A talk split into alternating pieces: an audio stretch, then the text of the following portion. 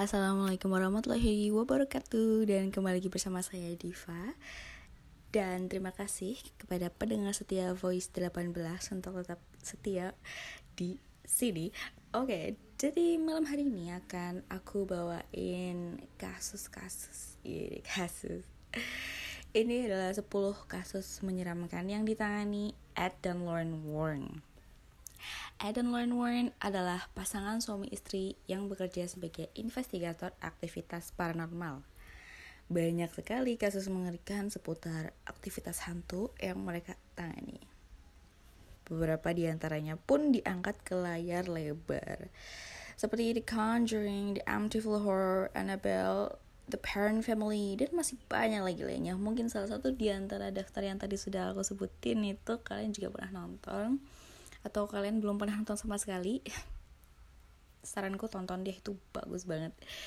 Penasaran gak sih kasus menyeramkan apa aja yang pernah diinvestigasi oleh pasangan Ed dan Lauren Warren berikut daftarnya.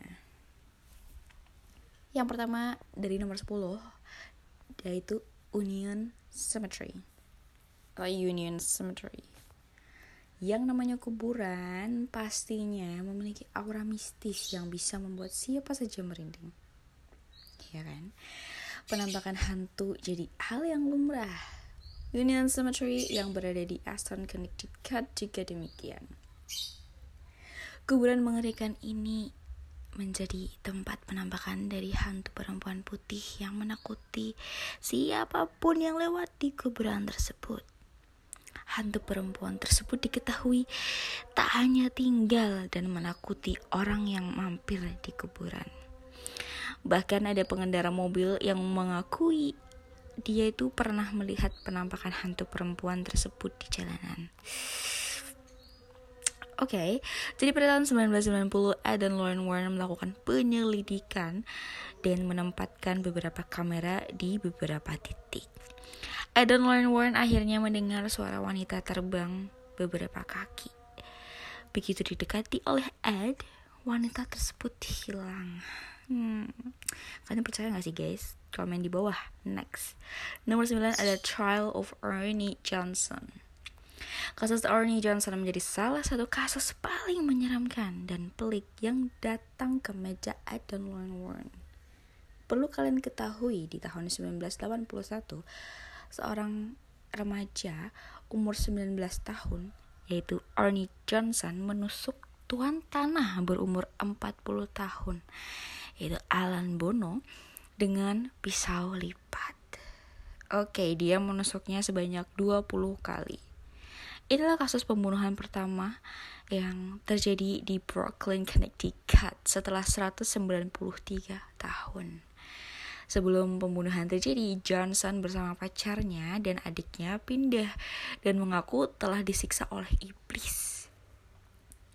Keluarga Johnson pun memanggil Ed dan Lauren Warren. Adalah David yang ber yang kerasukan 42 iblis dan berhasil dikeluarkan. Ketika di Exorcist, Johnson menantang iblis-iblis tersebut untuk masuk ke tubuhnya dan salah satu I'm sorry Ji. Satu bulan kemudian tidak ada catatan kekerasan. Johnson membunuh Alan Bono secara sadis di pengadilan. So Johnson mengaku bahwa tindakannya tersebut disebabkan oleh iblis. Hmm. dia terbukti bersalah dan dijatuhi hukuman 20 tahun. Setelah lima tahun dia dibebaskan karena sikap baiknya. Okay, next di nomor 8 ada di nomor Nirvana Family. Disclaimer, oh kalau misalnya aku ada salah penyebutan, tolong dikoreksi di bawah ya. Correct me if I'm wrong. Dan oke, okay, next ya. Banyak orang mengira bahwa permainan memanggil arwah dengan menggunakan alat papan Ouija itu adalah hal yang seru. Masalahnya kalau berhasil memanggil, yang jadi masalah adalah bagaimana cara mengembalikan mereka kembali. Jangan sampai hantunya tetap tinggal dan malah menghantui kalian. Kejadian ini terjadi pada keluarga Donovan dan pada tahun 1970-an Ed dan Lauren Warren bertemu dengan keluarga Donovan yang mengaku bahwa mereka mendengar suara-suara aneh di rumah mereka. Setelah dinyatak, setelah ditanyai oleh Ed dan Lauren ternyata diketahui bahwa anak paling kecil Donovan menggunakan papan Ouija dan memanggil arwah bocah berumur 10 tahun. Ed dan Lauren langsung sadar bahwa sebenarnya yang datang adalah sosok iblis jahat yang berpura-pura sebagai bocah laki-laki berusia 10 tahun.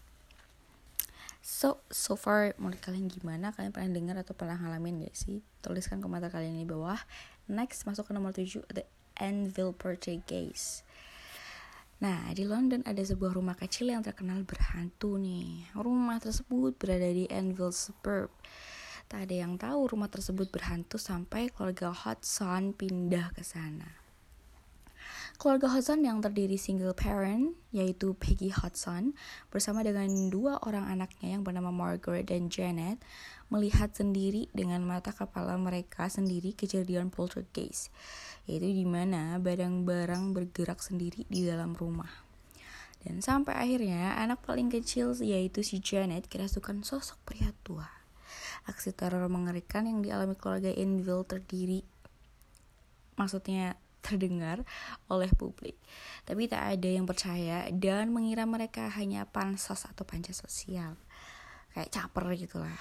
Ed dan Lauren Warren pun melakukan investigasi yang cukup dalam akan rumah tempat tinggal Peggy Hudson. Dan akhirnya ketahuan bahwa teror mengerikan yang dialami diakibatkan oleh Janet yang pernah bermain papan Ouija. So kalian yang pernah nonton The Conjuring 2, The Conjuring 2 itu nah ini nih dari The Anvil Portuguese ini. Eh kurang lebih seperti itu. Uh, buat kalian yang udah nonton pasti paham, buat kalian yang belum nonton kalian harus banget nonton. Oke, okay, next nomor 6 ada The Demonic Werewolf in London. Oke, okay, banyak menyaksikan akan keberadaan manusia serigala atau werewolf. Namun ada bukti nyata tentang werewolf ini yaitu Bill Ramsey. Bill Ramsey adalah bukti nyata bahwa werewolf benar-benar ada. Lahir di Inggris, Ramsey memiliki masa kecil yang bahagia. Sampai akhirnya dirinya mengalami perubahan aneh yang membuat dirinya dipenuhi rasa amarah dan fisiknya berubah. Perubahan Ramsey membuat dirinya bisa menghancurkan sebuah pagar betapa mengerikannya kekuatan yang bayangin. Dan ketika dewasa, Ramsey melihat wajahnya sendiri berubah menjadi serigala dan tangannya muncul cakar. Kejadian yang menimpa Ramsey ini kemudian menarik perhatian Eden Lauren Warren, of course. Dan di tahun 1989, Eden Lauren meyakinkan Ramsey untuk datang ke gereja dan menjalani exorcist. Ketika proses pengusiran setan berlangsung, wajah Ramsey mengerut dan dirinya berubah menjadi terang. Setelah itu tak ada lagi insiden yang terjadi. So, kalian percaya gak sih kejadian werewolf ini yang terjadi di London? Tapi katanya karena gak ada video dan foto, jadinya kayak uh, ekspedisi ini yang dilakukan oleh Ed dan Lauren Warren ini kayak kurang dipercaya sama masyarakat. Komen di bawah guys. Oke, di nomor 5 ada smart haunting.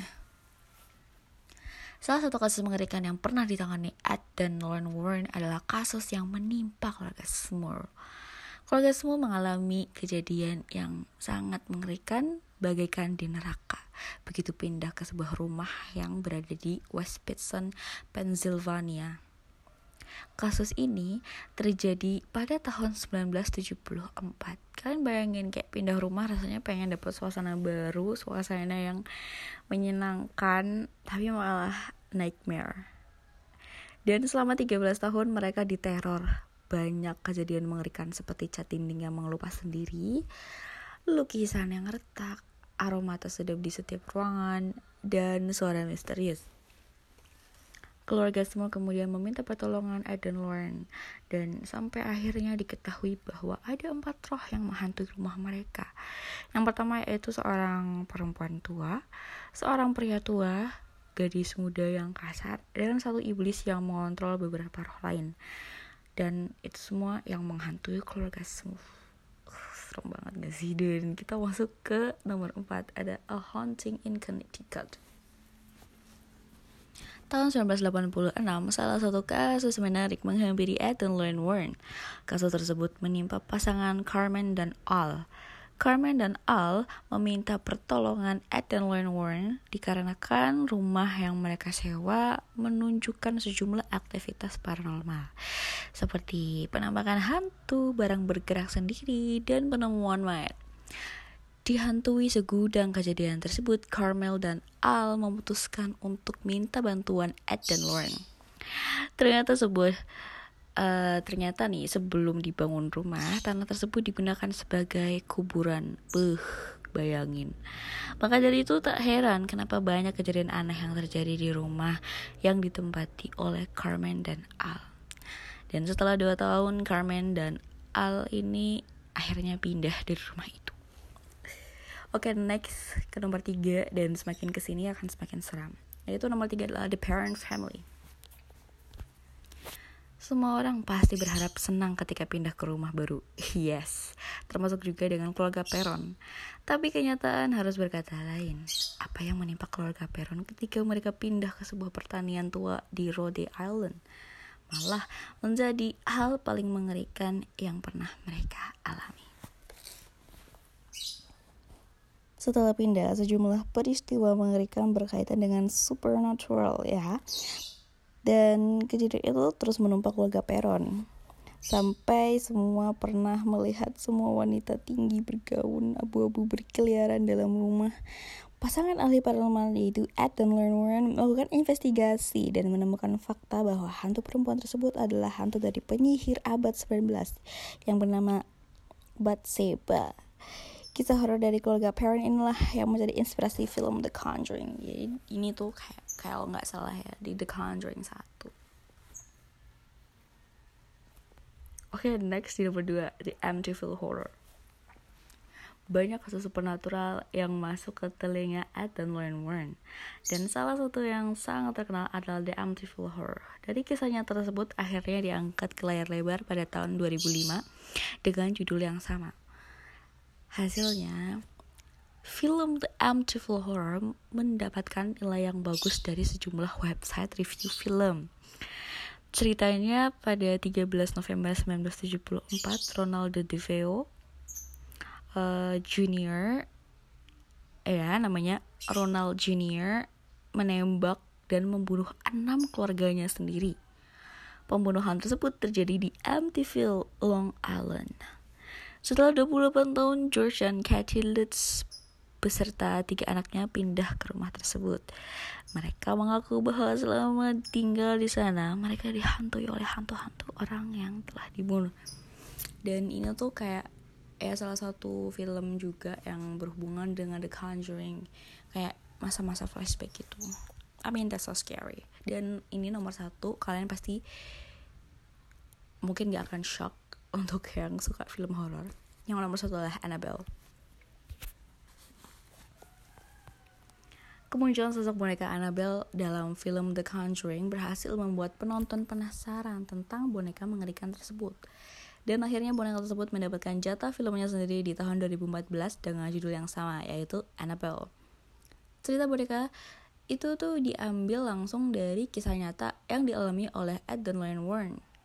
Boneka asli Annabelle ini itu tidak sama seperti yang kalian lihat di film. Boneka asli Annabelle lebih lucu dan tersimpan di Museum Barang Berhantu Lorraine Warren.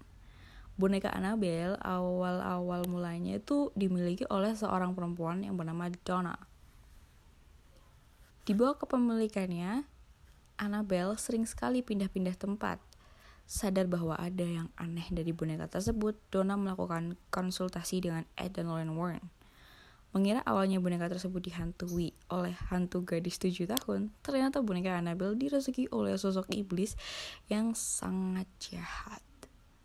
Dan karena itu, Ed dan Lorraine Warren memutuskan untuk mengambil dan menyimpan Annabelle di kotak khusus di tempat mereka.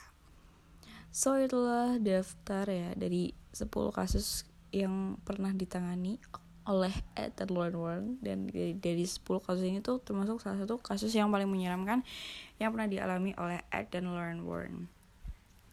Jadi menurut kalian gimana? Kalian pernah denger gak sih? Atau kalian pernah ngalamin gak sih? Komen di bawah.